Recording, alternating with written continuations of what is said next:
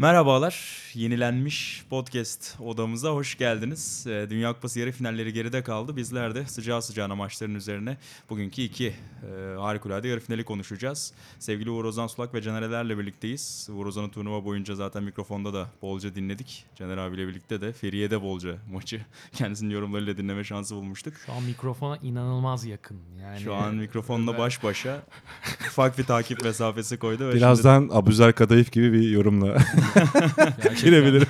daha güvende devam edeceğiz. İlk yarı final İspanya ve Avustralya arasındaydı. Sabah ben e, biraz bahis oranlarına bakarken Avustralya'nın bu kadar dezavantajlı görmesine çok şaşırmıştım ve ilk 37 dakika diyeyim haklı görünüyordum ama sonrasında dengeler değişti. İki uzatma izlerken dahi çok e, hani instant klasik dedikleri Amerikalıların e, bir gidişatı vardı maçın ve sonunda daha tecrübeli olan taraf, daha buraları oynamayı bilen taraf daha az hata yaptı ve İspanya 95-88 kazandı. Ozan istersen normal sürenin sonuyla başlayıp e, uzatma tarafındaki o yönetim ve mental tarafı konuşalım seninle. Ya bir kere e, her büyük turnuvada olduğu gibi yine İspanyolların tabii bir e, dış etmen faydası oldu. Bunu yatsımamak lazım. Ben gerçi hani Twitter'da da bir, birkaç tartışmaya girdim isteme, istemeyerek de olsa. E, yani e, düşündüğüm zaman maçı eğer İspanya'ya karşı son bölümde işte 9 sayı, 10 sayı, 12 sayı baremine getirip e, sert kalamıyorsanız zaten bir şekilde ya Yul çıkıyor ya Rudy çıkıyor ya başka Mark bir çıkıyor. Mark, Mark Gasol çıkıyor. E, ya ilk bölümde savunma çok sıkıntılıydı. Ortayı kapatmak işte ikili oyunlardan zaten çok fazla sayı buldu Avustralya ki yani çok düzenli bir takım. Uzun süredir birlikte oynayan bir takım. Ha, koçun bence e, yıllardır zaten biraz muhafazakar oluşla alakalı bir eleştir, eleştirilişi var e, Lemanis'in. E, turnuva hazırlığı, maç hazırlığı bunlarda hiçbir sıkıntı yok ama Scariolo ikinci yarıda işte Baksaman'la başlayan o değişimle birlikte e, kontrolü tamamen aldı ve ya şaşırttı e, Avustralya'yı. Cevap veremediler. Mills çok yoruldu. Bence rotasyonun kısa tutulması Avustralya'da en büyük problemdi. Yani eğer biraz daha fazla işte turnuvanın önceki bölümlerindeki gibi Chris Golding'i görebilseydik işte Joe Ingles'a iyi bir turnuva geçirmedi ama daha farklı bir ortam belki yaratılabilirdi. Mills bu kadar topu domine ederken Ingles da kendini bulamadı. Ee, yani tüm bunlar işte Caner abi de zaten devam edecektir. Yani ben Avustralya'nın da finale çıkacağını düşünüyordum aynı senin gibi. Ee, bence yani sürpriz olarak nitelendirilebilir bu sonuç ama İspanyollar çok tecrübeli. Yani ne diyebilirsin ki bu nüveye bu oyuncu kadrosuna? ya öyle. Ya şeye üzüldüm ben bu arada. Ya bir taraftarlığım yoktu ama e, turnuvada belki de herhalde e, herhalde ortak fikirde diye tahmin ediyorum. En iyi basketbollardan birini oynuyordu Avustralya. Hatta en gözü hoş gelen, en temel basketbolu, e, en basit basketbolu en akıcı şekilde oynayan takımdı belki de. İşte Patty Mills ve Ingles'ın oradaki e, oyuna yön veren karakterleri, e, uzunların çok verimli ve ne yaptığını bilen oyunları. İşte Uğur Ozan bahsetti. Çok iyi ikili oyun oynuyorlar. e, çok iyi top, top e, paylaşıyorlar. Üstüne üstlük e, savunmada da bu arada e, çok çok e, organize, ne yaptığını bilen bir takım. Ama işte hatta bence bugün mesela en büyük silahlarından biri e, Uğur Ozan da söyledi. Hani fiziksel olarak rakipleri yıpratıyorlar ya.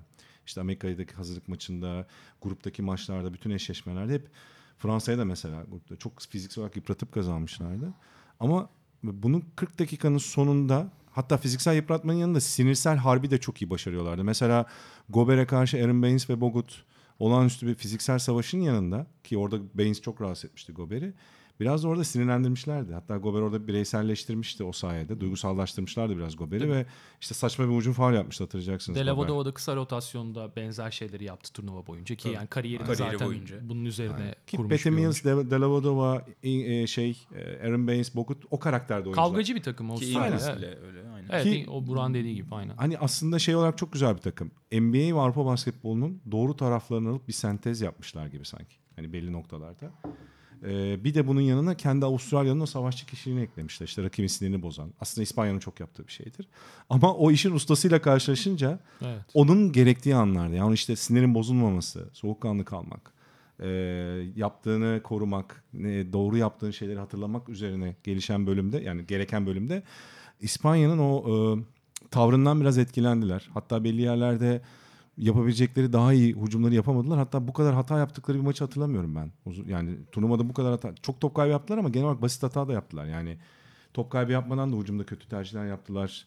İşte senin dediğin şey bence çok önemli. Yani Patty Mills'e o kadar yüklendiler ki Ingles çok soğudu. Yani halbuki Ingles orada çok kritik e, rol üstlenmişti. Bütün kritik maçlarda. Yani onun top dağıtımında olması, e, oyuna çeşitlilik katması çok önemliydi. Eşleşme avantajı yakalatması.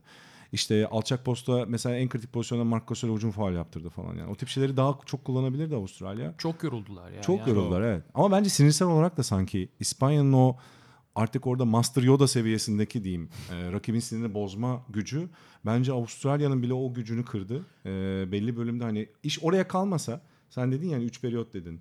Orada koparabilseler son bölümde asıl İspanya'nın uzman olduğu yerde yakalandılar. Konfor alanına girdiler İspanya'nın ve orada ritmi verince oyun kontrolünü geri döndüremediler. Biraz dediğin gibi bence kafa orada kaldı yani 30-35 dakika çok rahat görünüyordu Avustralya. Hatta Evet. Ozan'ın yanılmıyorsam tweet de atmış. Yani üçüncü çeyreğin ortalarında kopuyor gibiydi maç. Evet, Yani evet. Çift taneye yaklaştı. Bir ara bir 10 sayı oldu. Hani orada son yumruğu vuracaklar gibiydi. Muhtemelen kafalar orada kaldı. Ya bu maç nasıl buraya geldiği düşünürken o iki uzatmada E, Bogut'un işte para hareketi, hatası Bogut'un para hareketi yapması bile bence orada bir konsantrasyon problemi. Mesela şunu unutmamak Evet. lazım bence. Şimdi e, uzatmada Sergio Yul iki tane çok kritik üçlük attı. Tabii, evet. evet, Ama öncesinde maçı neredeyse İspanya'ya getirebilecek 3 pozisyon var ki Avustralya'nın da kaçırdı. Üçünü de kaçırdı. Doğru. Evet. Yani Doğru. Yul çok iyi bir maç sonu oynamadı. Baktığımız Doğru. zaman İspanya'da işte Uzatmayı iyi oynadı evet. Evet Rubio artık Aha. kariyerinin farklı bir evresinde işte hani liderlikte farklı bir seviyeye çıktığını söyleyebiliriz ama temelde işte o ruhani kısmını sen konuştun.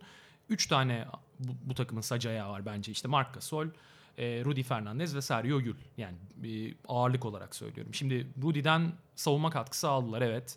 E, çok inanılmaz bir şut ritmiyle oynamadı. Marc Gasol berbat durumdaydı bence turnuvanın başından beri Ki zaten. ilk yarıyı da çok iyi oynamadı bence. Kötü oynadı bence. Sonra aynen. acayip bir son Aynen. ama. Sonra ya bir lidere ihtiyacı vardı takımın. Orası kesin yani. Çünkü İspanya hep Pau Gasol sırtında taşıdı takımı. Kötü oynadığı günlerde bile başka Orada oyuncuları- olması bile yeterli oluyordu Evet bazen. şimdi. Mark ne olursa olsun biraz daha arka planda kalmış kardeşti ve bence kariyeri açısından da çok önemli Müthiş. bir galibiyet. Onun turnuvası oldu hakikaten. Aynen yani bu, bu, bu maç Özür dilerim araya gireceğim. Şey önemli çünkü. Marc Gasol'ün kötü oynadı dedik ama öyle bir bölümde hatta 7 sayı mı ya da 8 sayı gerideydi İspanya. Son 4 veya 5 dakikaydı. O bölümde 3 tane hücumu çok güzel oynadı. Bir Çok. tane e, nefis pas verdi. Evet. Bir tane e, kendisi sırt dönük oynadı. Yani o bölümde bir anda devreye girdi ve dengeyi sağlattı hatta. Zaten Rubio devreye girdi o bölümde tekrar. E, senin dediğin gibi uzatmalarda Rubio girdi. Yani e, şey orada farkı ortaya çıktı sanırım. E, kritik bölümde fizikler düşmüşken yani fiziksel olarak mücadele düşmüşken işin e, sorumluluk alacak oyuncu sayısında Avustralya sorun yaşadı. E, Kesin. İspanya ise Lul devreye girdi. Gasol devreye girdi uzatmada. E, ve Rubio zaten iyi oynadı. E, bunlar olunca e, İspanya üstün geldi. Ve, Aynen öyle. ve şey de büyük sıkıntı bence. Şimdi Lemanis özelinde biraz konuştuk ama 2014 bize karşı önde götürdükleri bir maç. Yine sonda işte Doğru. Hı. Pragic'in şutuyla iyi zaten hatırladın, evet, aynen. Burada Hı yine bütün maçı önde götürdüler ki yani net bir şekilde koç müdahalesi gerekiyordu maça. Ya Scariolo ne olursa olsun Baksenvan'la bir şekilde şaşırttı. Zaten alan savunmasını e, maçın neresinde kullanabilirsiniz ya da bu tür özel savunmaları neresinde kullanabilirsiniz? İşte ya geride giderken 3-4 dakikalık periyotlarda falan filan. E, ya bence Mills'ı bir şekilde rahatlatması gerekiyordu Avustralya'nın maç sonuna kadar ve bu biraz da koçun görevi. Personel var çünkü. Bu arada serbest atışta kaçırdı Mills. Evet, yani o da 2'de var. 2 atsa belki maçı almıştı Mesela- Avustralya. Onu da konuşamadık Hem aslında. serbest atış hem Aha. top kayıpları dediğin gibi Aynen. tamamen artık yorgunluk yani bitti Aha. adam 45 dakikayı aşkın süre. Galiba 25-30 sayı falan buldu İspanya şeyin top kayıplarından. Tabii Avustralya'nın. Çok ciddi bir, bir yekün. Ve ve ben şuna da söyleyeyim. Nick Kay kötü bir oyuncu değil ama e, yani burada Brock Motum olsaydı bence bu maç daha farklı olabilirdi. Ya mesela. da Çok e, rahatlatabilirdi şey, e, neydi Philadelphia'da bizim E, Jonah Bolden. John Ball mesela son anda çekildi. O da Avrupa'da mesela o konuda 4 numarada atlet şutörü olarak burada katkı verebilirdi. Ama işte yani bu kadroyla buraya geldiler. Sonuçta bu basketbol oynadılar. Ama iş e, kritik anda fiziksel olarak ve mental olarak iyi durumda kalmak gerekirken karşıda bunun belki de turnuvada en uzmanını buldular. Senin attığın tweet de kritikti bu arada. Onun üzerine mi dedin sen polemik? Bu Marco Sol'ün cümlesini evet, anlatılamış. aynen, aynen. Açsana onu biraz. Ben araya girdim özür dilerim ama. Ya o, Evet, o Burak. bir önceki şeyi söylüyor. Burak bir önceki şeyi söylüyor galiba da. Benim dediğim başka. Marco Sol, Ha, ya Marco başka, Sol, Marco Sol tweet'i şöyle. Şimdi İspanyol oyuncuların bizde e, belki de bütün dünyada e, şöyle bir kötü şöhreti var. Nedir? İşte flopping, kendini yere atma ya da Evet, işte hakemle hakemleri- oynama. Hakemleri kullanma. Tamam, Rakibin bunlar- sinirini bozma. Bunlar Hı. doğru. Bunlara kimse bir şey demiyor zaten. Ama Yu- Yunan milli takımı kazandığı aşağı yukarı bütün madalyaları böyle aldı. Sırplar zamanında böyle aldı. Zaten Avrupa Tabii ki canım.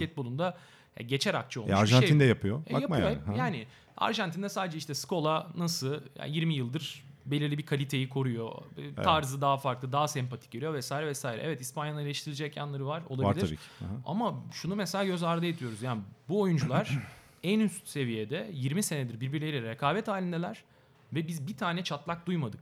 Ya Rudy Fernandez kolay bir karakter değil. Marc Gasol kolay, kolay bir karakter. Yul. Sergio Yul kolay, kolay bir karakter değil ama işte görüyoruz yani turnuva sonunda ya bu İspanya ben açık söyleyeyim yani ben turnuva öncesinde İspanya'nın finalde olacağını tahmin etmiyordum. Bence çok defekte olan bir takım. Bence de. Ee, ama çıkıyorlar. Yani bir şekilde yani Sırbistan benim hani hiçbir zaman favori görmediğim yani o ayrı sebepler konuşuruz ileride belki ama yani İspanya'yı da burada ben açıkçası göreceğimizi e, düşünmüyordum ama işte böyle bir çekirdek o kadar birbirine bağlı bir oyuncu grubu var ki e, birçok şey ikinci planda kalıyor.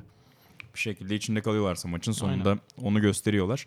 Ee, sen hoca Avustralya'daki rotasyon tercihleriyle de bahsetmiştin. Diğer yarı finale geçmeden önce onu da ufak birkaç not ekleyip yavaş yavaş toparlarız. Ya Golding'i söyledin. Özellikle uzatmada çok kötü şutlar kullandı Aynen. ve bayağı eleştiri aldı ama arada bir 15-20 dakika oturduğunu da söyleyelim. Tabii yani canım. şutör oyuncu için bunlar çok önemli. O kadar soğumuşken en kritik anda girip hiçbir şey olmamış gibi şu şutları kullanmak hani bazı büyük oyuncular bunu yapabiliyor ama hani Golding'den bunu beklemek acımasız olurdu. Bence bir Aynen. de bugün Landale'ı da bence çok az kullandı. Aynen. Ya, Aynen. turnuvayı gayet iyi geçiren bir Landale'ı. Mükemmel bir oyuncu zaten. Aynen yani ki bu Çok- sezon çok- çok iyi bolca tamamlayıcı bir oyuncu. göreceğiz Žalgiris'te ne Bence kadar iyi bir oyuncu olduğunu. Yılın transferi bence Euroleague'de. Hani çok erken konuşuyorum ama Ya Şampiyonadan önce bitirmek de çok önemliydi Aynen. o transferi. Bir Avustralyalı Litvanya gitmişse zaten aynen. dikkat etmek lazım. Daha önce çok örneğini gördük. Ee, ya sadece işte 15 dakika oynamış şu an bakıyorum ki iki uzatmalı bir maçtan bahsediyoruz. Oralarda da hakikaten e, bir soru işareti olacak büyük ihtimalle Yani Manisa. Skyolu çok büyük üstünlük sağladı. İkinci Ki- yarıda ki bunu genellikle Çok şey anlatıyor bu. ya bu cümleyi genellikle kurmayız evet. Ee, hakikaten harikulade bir maç oldu ayrı konu. Ee, başka bir notunuz var mı? Yavaş yavaş diğer yarı finale geçelim arzu ederseniz. İkinci yarı finalde Arjantin ve Fransa karşı karşıya geldi. Fransa tabii Birleşik Devletleri yenmenin de biraz etkisi. Oradaki özellikle Gober baskınlığı hatta klasik NBA timeline'ında şimdi ismini vermek istemediğim doğayenlerden birinin en iyi 10 oyuncudan biri NBA'deki gibi o maçın ardından yaptığı aşırı reaksiyonlarla birlikte Ben bunu kaçırdım oğlum ben. ciddi Yaşlandım bir galiba. Bu favori olarak. kaçırıyorum. görünüyordu belki Fransa. Ama Arjantin'in oynadığı oyun yani gruplardan biri beni çok etkiliyordu zaten ve çok da şaşırmadım açıkçası son iki aldıkları galibiyete. Ama şunu da söyleyeyim bu kadar rahat olmasını beklemiyordum. Yani baştan sona kontrol hep ellerinde tuttular ve hiç neredeyse Fransa'yı umutlandırmadılar. Ee, Arjantin'in iki pota altı oyuncusu var. biri Biri Meksika. biri Biri Campazzo, biri Laprovitola. Biri İspanya Ligi'nden Meksika Ligi'ne turnuva öncesinde transfer oldu ki yani bu psikolojik açıdan e, birçok şeyi gösteriyor. İkincisi 39 yaşında e, ve yani şöyle söyleyeyim. Şimdi Sergio Hernandez çok uzun süredir zaten milli takımın parçası. Gitti geldi tekrar görev aldı vesaire ama Yardımcı değil miydi eskiden? Evet, şeyde? eski- ilk- Ee, ilk- Ruben değil mi? 2000'lerin başında. Ha. Ee, ama şöyle bir durum var. Yani Arjantin'le alakalı teknik birçok şey söylenebilir. İşte e, Fransa'nın bugünkü yetersizlikleri, maç planının iyi olmayışı, Amerika maçının aksine konuşulabilir ama yani rotasyonlar, işte içeriye giren oyuncuların, oyuna giren oyuncuların keskinliği falan Arjantin'de turnuvadaki herhangi bir takımla karşılaştırılamayacak kadar yukarıdaydı. Ya çünkü şimdi bakıyoruz 3 tane size'lı olmayan guard var ellerinde. Aslında pota altının da zayıftığını düşündüğümüzde teknik olarak savunma yapması imkansıza yakın bir kadro. Kağıt üzerinde baktığınızda. Ama e, işte Gober gibi bir oyuncuya karşı, Fransa gibi atletik yetenekleri sınırsız oyunculardan kurulu bir takıma karşı e, savunmada daha baskın gözüktüler. E, Gober zaten bence e, hani biraz artık ambalaja kaçtı savunması. Tabii ki çok iyi bir savunmacı ama yani tahmin edildiği kadar oyunu domine etmediği dönemler olabiliyor. Yani biraz ka- kaçıyor bazen bence.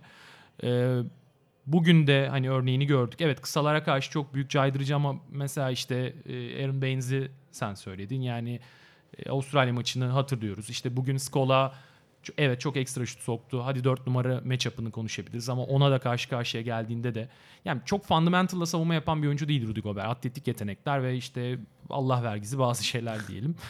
Ee, yani normal şartlarda Fransa'nın ezip geçmesi gereken bir maç eşleşmelere baktığımızda. Ama işte o kadar psikolojik üstünlük sağladı ki e, Campazzo, Laprovitola, işte Delia, Scola kimi sayarsanız oyuna giren herhangi bir oyuncunun Arjantin'e katkı vermediğini hani ben hatırlamıyorum. Ee, bilmiyorum yani iki tane tutkuyla oynayan takım ol- olacak finalde. İspanya'da, Arjantin'de.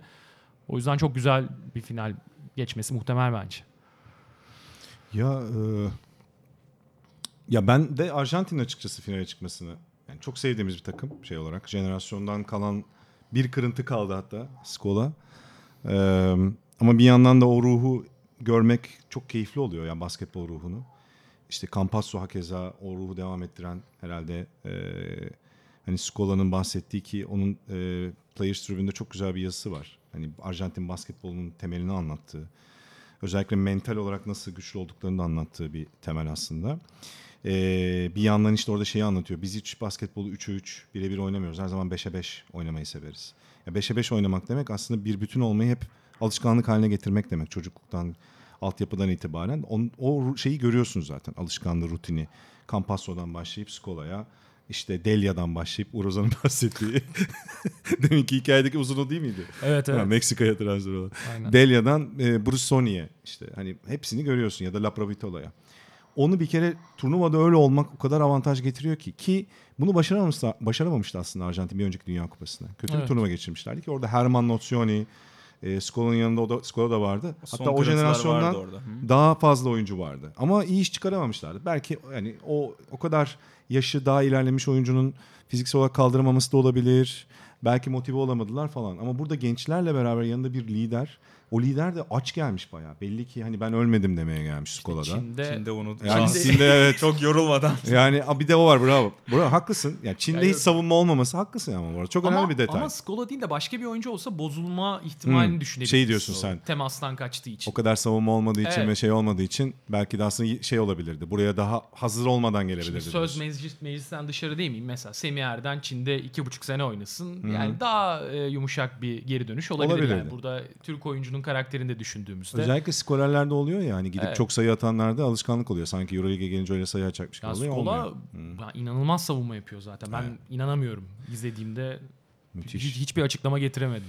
Ya Arjantin'i böyle övmenin dışında Fransa'da da dediğiniz gibi yani Gober iyi oynamadığı sürece kazanmaları çok zor oluyor zaten. Bir kere yarattığı artı eksi oranı çok farklı. Yani genelde turnuvada e, Fransa'nın kazandığı maçlarda Gober zaten ya artı 18-20 civarında neredeyse. Bugün de kaybetti ve eksi 14'tü galiba ya da eksi 15'ti. Yani bu zaten çok kritik bir e, denklem onlar için. Bir yandan da birkaç oyuncu daha var işte Baines dedik, Scola dedik. Birçok uzunla eşleştiğinde de uzunlar bayağı iyi oynadılar Gober'e karşı. Sadece Amerika Amerika maçı da o, o şekilde hani domine ettiği bir maçtı. O da bence onun için hakikaten bir soru işareti. Ne olursa olsun. Burada o kadar domine etmedi ama ettiği her anda da e, katkıda bulunduğu her anda da Fransa'ya fark yarattı. Ya fark yaratan bir oyuncu olduğu aşikar. Onu yani o tanımı değiştirmekte bir şey yok. Gerek yok yani o tanımı değiştirmekte. Ama bence bugün en kritik konulardan biri asıl Fournier bekleneni yani önceki turnuva e, maçlarda çok kritik anlarda sorumluluk aldı. Campazzo işte. Ee, Yani takımın- kafaya öyle bir giriyor Aynen ki. öyle. Campazzo nasıl e, verimli olduysa ya da kritik anlarda devreye girdiyse diyeyim kötü gözükse de bugün Fournier giremedi. Ee, e, mesela 16 sayıyla bitiri gözüküyordu onu çok çöp bölümüne attı. Son bölümde iki tane üçlük attı hatta yani daha kötü bitirecekti normalde. Ee, onun dışında Dekolo bugün bence sorumluluk alması gereken anlarda sorumluluk onda kalmadı. O da önemliydi son çeyrekte. Hatta iki maçtır Nilikina daha fazla devreye girdi ve daha pozitif bir görüntü verdi. Bu da aslında garip bir görüntüydü. Yani iki maçtır aslında Fransa'nın çok düzeni bonus oldu. bence Fransa'nın düzeni anlamında da bir soru işareti bu. Ne olursa olsun. Yani. Nilikina'nın sorumluluk alması iyi bir şey onun adına. Ben çok mutlu oldum. Beğendiğim bir oyuncu.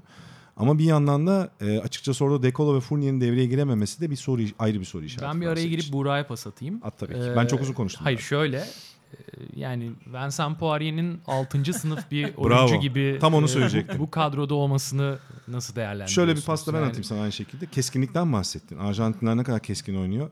Bütün Euroleague sezonunu çok iyi geçirmiş bir oyuncu. Muhtemelen de çok da oynadığı bölümlerde keskin oynuyordu. Kullanmamak da çok garip Hayır bence bugün. switch de Çok yapmıyorsun. Switch yapıyor olsan tamam Evet, diyeceğim. haklısın. Diğer beşle. Max Yani, Orley'i idare ha, edeceğim evet, ama- yani Yani uzun rotasyonda madem gün verim alamıyorsun Poirier'i kullanmamak da acayip Çok hakikaten. ilginç. Yani önceki Evet. maçlarda gördük o tercihi. Ya zaten turnuvanın genelindeki koç performansları da hani birçok koç Evet. için söyleyebiliriz herhalde. Çoğunda herhalde hayal kırıklığına uğradık birçoğumuz. evet.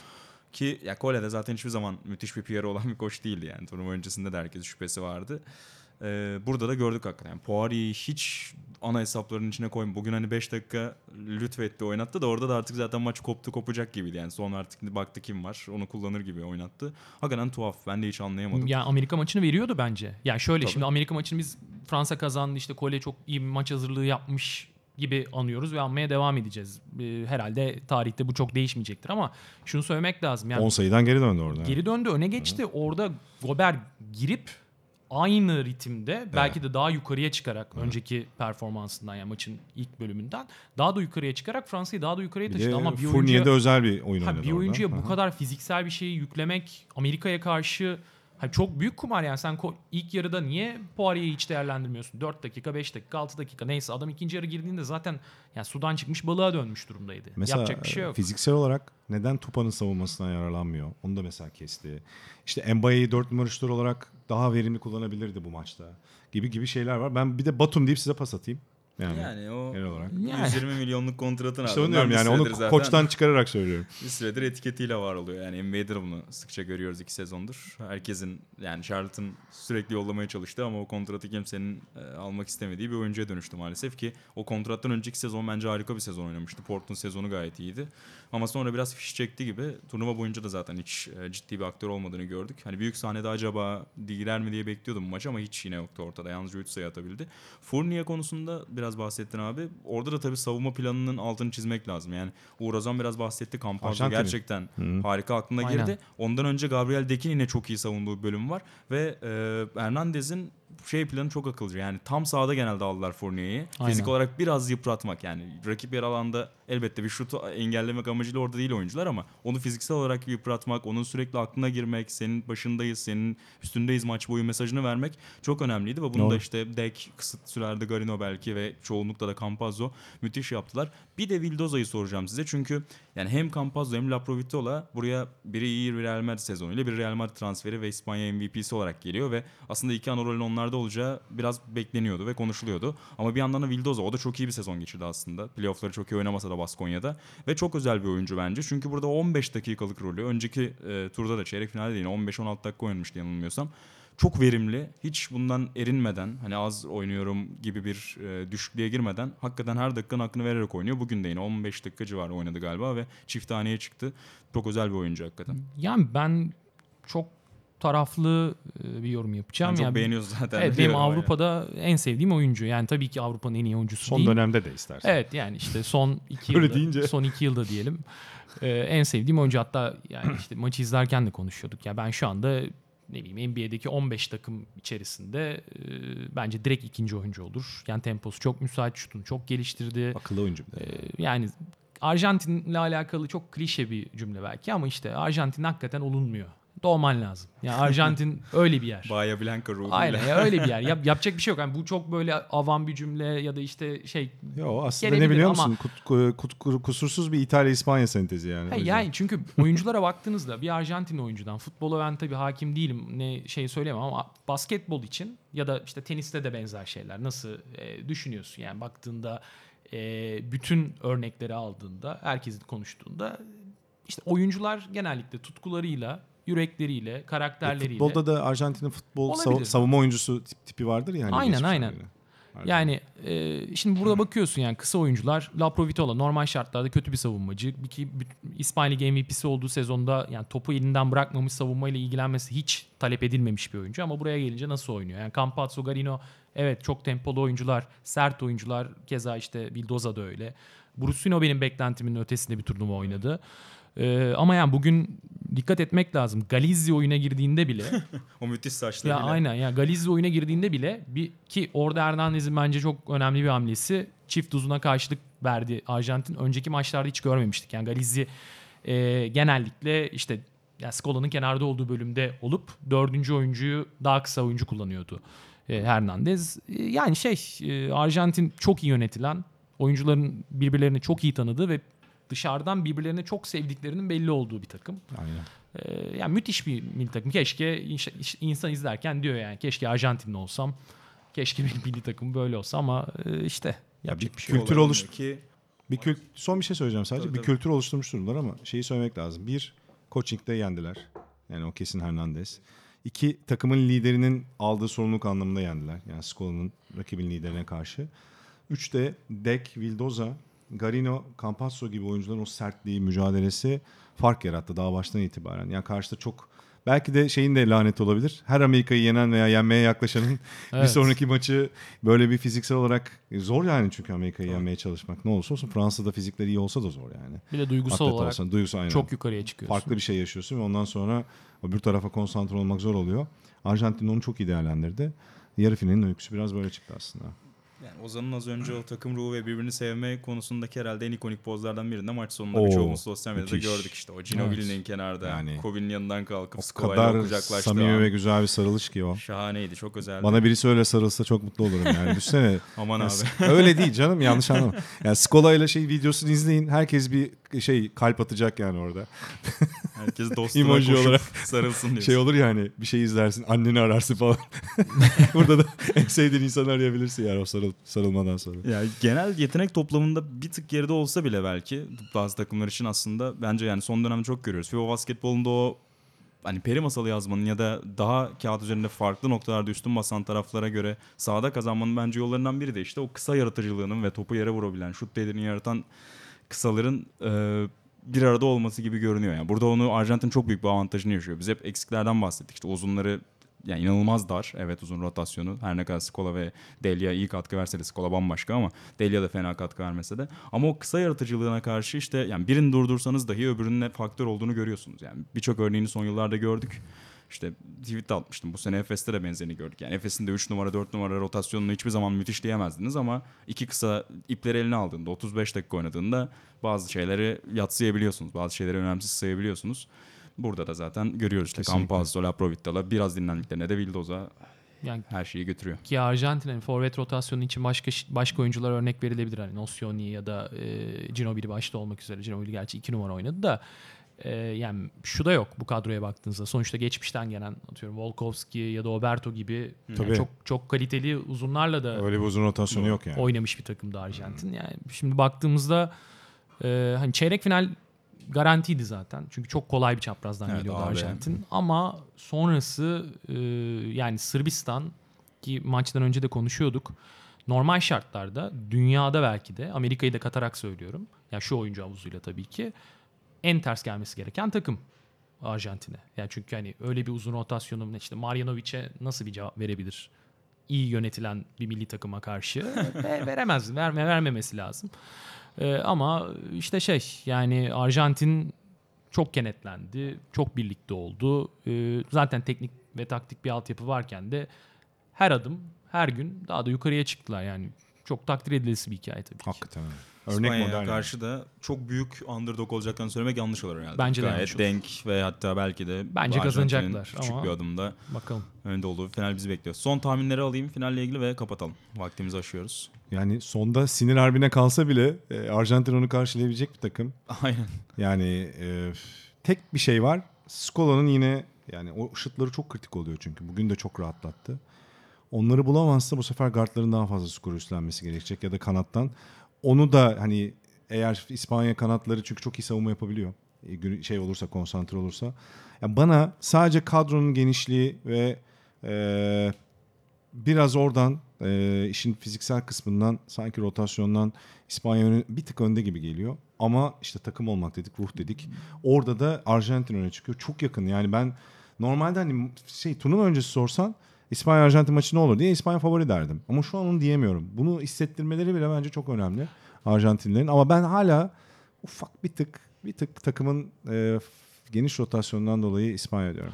Ya ben iki uzatma olduğu için bir de üzerine Doğru bak onu hesaplamadım. Üzerine Haklısın. bir de iki yani iki uzatmadan sonra maçta da gördük. Yani ikili oyun gerçekten savunamıyor İspanya. Yani dürüst Evet. olmak lazım. Marc Gasol e, yani çakılıyor evet vesaire ama e, baktığımızda yani bu kısaların çok karakterli kısalar da olması Arjantin özelinde söylüyorum.